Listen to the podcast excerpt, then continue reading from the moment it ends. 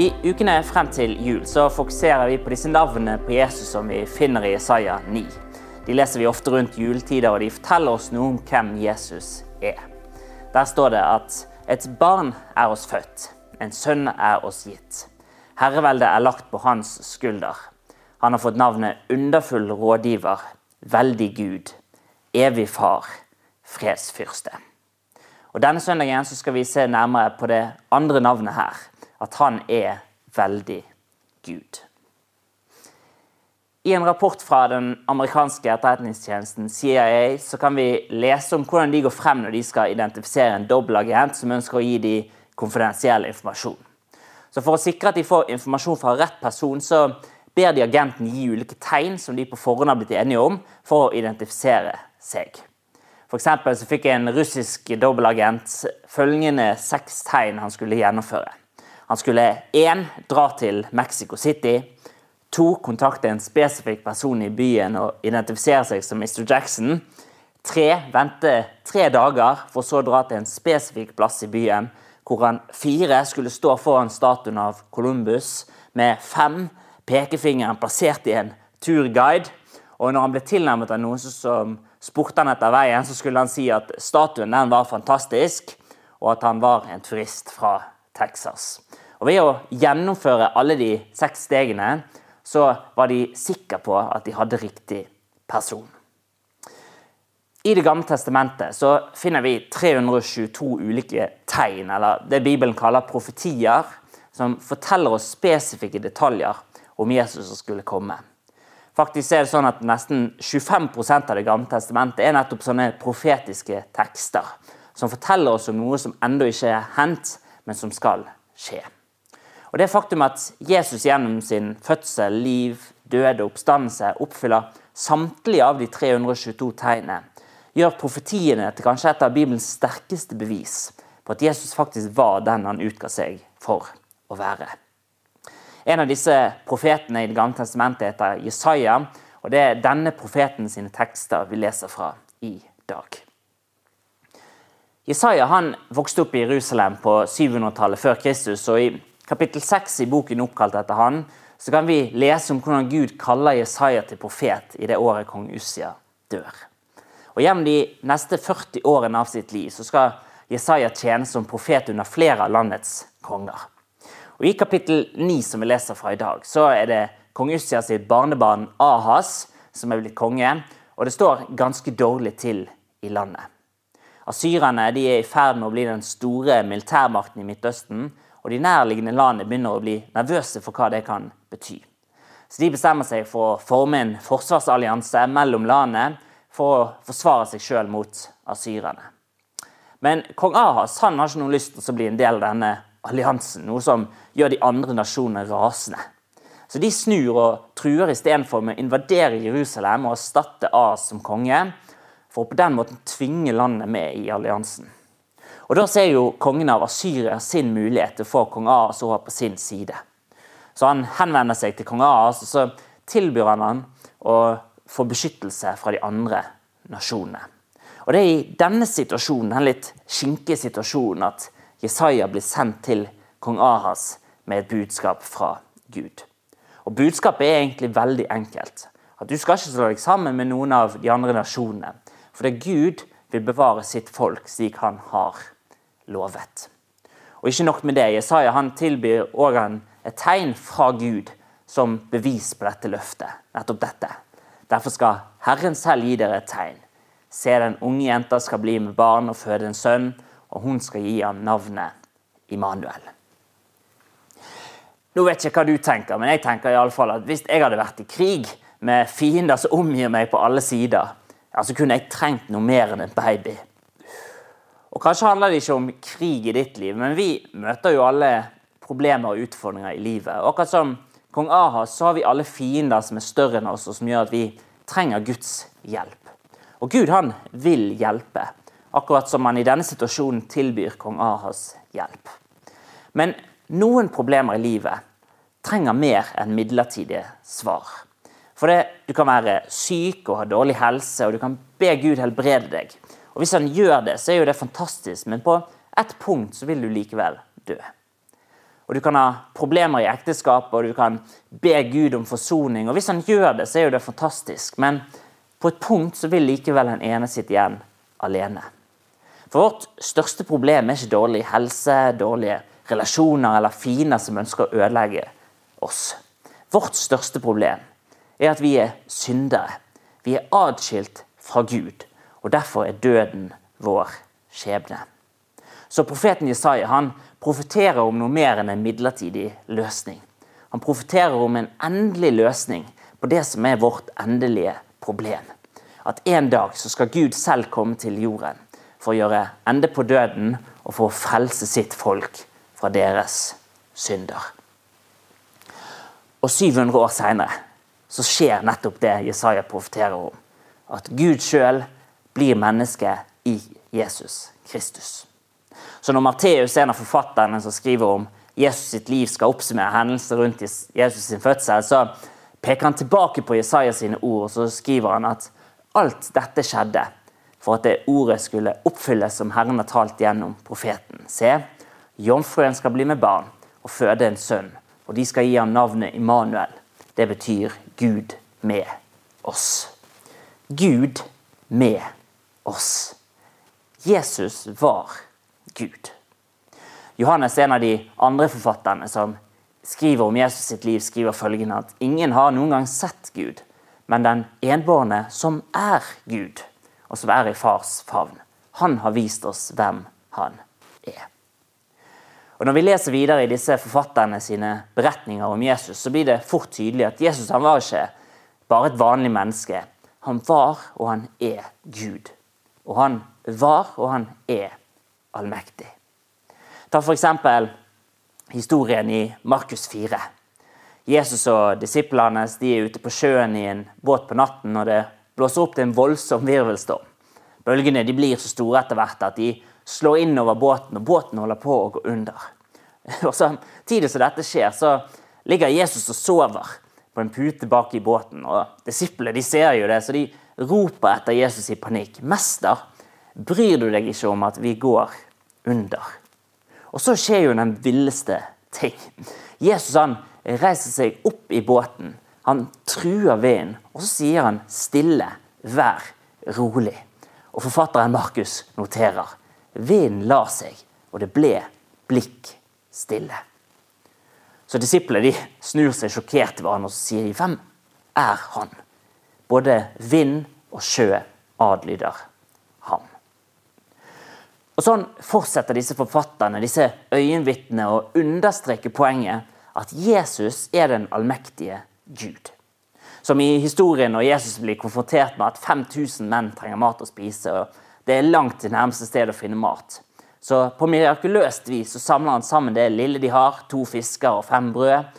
Og så gjør han det om til nok mat til at alle som er der, går mett hjem. Eller som i historien når disiplene er ute på sjøen og det blåser opp en kraftig storm. og De sliter med å ro båten i land. Og så ser de plutselig Jesus trosse alle naturkrefter, der han kommer gående på vannet mot de. Eller som historien om når disiplene og Jesus i Genesaret og folk fra hele nabolaget kommer bærende med syke mennesker på båra til Jesus. Og det står det at alle som rørte ved ham, ble mirakuløst friske. Jesus han var alt annet enn et vanlig menneske. Han var Gud sjøl, og han var allmektig. Men for mange så er jo det nettopp dette med at Jesus er allmektig som gjør det så vanskelig å skulle tro på ham. For vi kan jo lese historien om at Jesus stiller stormen, og Jesus metter de sultne, og Jesus helbreder alle som er syke. Men når vi ser rundt oss i den verden vi bor i, så virker jo disse historiene å være ganske langt fra den virkeligheten som du og meg erfarer. I julen 2004 så slo en enorm tsunami innover kystområdene rundt Indiahavet. og Det tok livet av over 250 000 mennesker. Og I de påfølgende dagene og ukene så var avisene fulle av artikler og innlegg som stilte spørsmålet hvor var Gud? En reporter skrev det sånn Hvis Gud er Gud, ja, så er han ikke god. Men hvis Gud er god, så er han ikke Gud. Du kan ikke ha det begge veier. For hvis Jesus virkelig er den allmektige Gud som vi leser om i evangeliene, hvordan kan han da tillate så mye ondskap og lidelse i den verden vi lever i? Filosof John L. Mackey han skriver i sin bok 'The Miracle of Theism' at hvis en god og allmektig Gud eksisterer, så vil ikke han tillate meningsløs ondskap. Men fordi det er så mye urettferdig meningsløs ondskap i verden, så kan ikke den tradisjonelle gode og allmektige Gud eksistere. En annen gud eller ingen gud kan eksistere, men ikke en god og allmektig Gud. Men det er en stor utfordring i en sånn logikk. For gjemt bak denne påstanden om at verden er fylt av meningsløs ondskap, så ligger det et skjult premiss. Nemlig at hvis ondskapen er meningsløs for meg, ja, så må han være meningsløs. Og Et sånt resonnement er jo selvfølgelig feilaktig. For bare fordi du ikke kan se eller forestille en god grunn til at Gud kan tillate noe å skje, så betyr ikke det at det ikke kan være en. Tim Keller, bok, forfatter av boken 'The Reason for God', skriver det sånn at hvis du har en Gud som er stor allmektig nok til å være sint på fordi han ikke har stanset ondskap og lidelse i verden, ja, så har du i samme øyeblikk en Gud som er stor og allmektig nok til å ha en god grunn til å la ondskap og lidelse fortsette, som du ikke forstår. Du kan faktisk ikke ha det begge veier. Så ondskap og lidelse kan ikke motbevise Guds eksistens. Men jeg har faktisk lyst til å dra den enda lenger for deg denne søndagen og si at ondskap og lidelse det kan faktisk være, om ikke noe annet, et bevis for Guds eksistens. C.S. Lewis, som i tidlig alder bestemte seg for å bli ateist, han skriver følgende om sin senere reise fra ateisme tilbake til kristen tro. Han skriver at 'mitt argument mot Guds eksistens' var at universet virket så ondskapsfullt og urettferdig. Men hvor hadde jeg fått ideen om rettferdighet og urettferdighet fra? Hva sammenlignet dette universet med når jeg kalte det urettferdig? Selvfølgelig kunne jeg gitt opp ideen om en rettferdighet ved å si at det ikke var noe annet enn min private preferanse. Men hvis jeg gjorde det, så ville mitt argument mot Gud òg falle sammen. For argumentet var avhengig av å si at verden virkelig var urettferdig, ikke bare at den ikke tilfredsstilte mine preferanser. Følgelig viser ateismen seg å være for enkelt. C.S. Lewis sitt poeng var dette at den som ikke tror, har ikke en god grunn til å være rasende på urettferdighet. For hvis du er sikker på at denne verden er urettferdig og fylt med ondskap, så antar du i samme tid at det eksisterer en eller annen overnaturlig standard som du kan rette din dom mot. Og Det er derfor feilaktig, selv om det kanskje er forståelig, at å anta at det å forlate tro på Gud på noen som helst måte vil gjøre ondskapens problem lettere å håndtere. Men for de fleste av oss så møter vi denne problemstillingen ikke bare på et filosofisk nivå, men på et personlig nivå. For selv om lidelse og ondskap ikke logisk kan motbevise Guds eksistens, så betyr ikke det at vi ikke kan være sint, såret og skuffet på Gud. Men evangeliet om Jesus Kristus det er historien om hvordan Gud selv ble et menneske. Og i Jesus Kristus så erfarte Gud selv smerte og lidelse på det dypeste. Derfor er det sånn at selv om kristen tro ikke begrunner den enkeltes erfaring av lidelse, så gir kristen tro likevel dype ressurser til å møte den lidelsen med håp og mot fremfor bitterhet og fortvilelse. For Når vi leser i evangeliene, så møter ikke Jesus lidelse sånn som vi kanskje skulle tro han gjorde. For I begynnelsen av evangeliet så fremstår jo Jesus som en slags superhelt. Han befaler stormen å stilne, og stormen stilner. Han metter flere tusen som er sulten med to små fisk og fem brød. Han overstyrer naturkreftene og går på vannet. Og han helbreder alle som er syke, bare de kommer i nærheten av klærne hans. Men mot slutten av evangeliene så fremstår Jesus helt annerledes. Han er grepet av angst og uro. Han er så redd at han svetter blod, og han ber Gud om å få slippe å møte sin skjebne. Og på korset så roper han ut at Gud har forlatt ham. Det å bli forlatt av noen som vi er glad i, det er en vond opplevelse. At en bekjent kritiserer deg og ikke vil ha noe mer med deg å gjøre, det gjør vondt, men vi kan leve med det. At en kjæreste eller en god venn gjør det samme, det er derimot mye vondere. Men hvis din ektefelle eller en av dine foreldre gjør det mot deg, ja, så vil den emosjonelle skaden bli både langvarig og svært skadelig. Derfor kan ikke vi forestille oss hva det vil si. Og ikke bare bli atskilt fra en ektefelle eller en forelders kjærlighet som har vart over flere år, men å bli forlatt av kjærligheten fra Gud selv, som Jesus hadde erfart i evighet. Gud han ble menneske i Jesus Kristus. Han kjenner derfor egen erfaring, vår fortvilelse, vår avvisning, vår ensomhet og vår sorg. Men på korset så erfarte Jesus en lidelse som gikk langt forbi noe som vi noen gang vil erfare. Han ble forlatt av Gud selv. For på korset så bar Jesus Guds avvisning i vårt sted, slik at vi alltid skulle bli ønsket velkommen hjem. Jesus han tok vår synd på seg sjøl slik at han en dag kan komme tilbake for å ødelegge ondskap og lidelse uten å ødelegge oss. Så hvorfor tillater en Gud som er allmektig, ondskap og lidelse? Ja, Vi vet kanskje ikke hele svaret på det, men vi vet i alle fall hva svaret ikke er. For det kan ikke være at det er fordi at han ikke elsker oss. Og det kan heller ikke være fordi at han er likegyldig eller frakoblet vår virkelighet. Nei, Gud han tar vår lidelse så på alvor at han var villig til å ta den på seg sjøl. Men jeg tror at vi trenger noe mer enn å bare vite at Gud er med oss i vår lidelse. Vi trenger òg et håp om at vår lidelse ikke er forgjeves.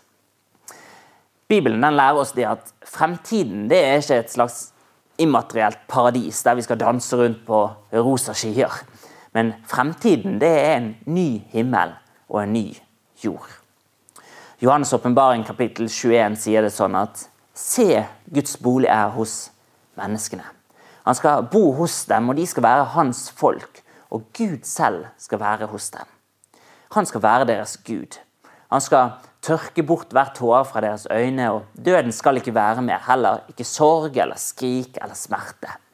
For det som en gang var, er borte. Se, jeg gjør alle ting nye.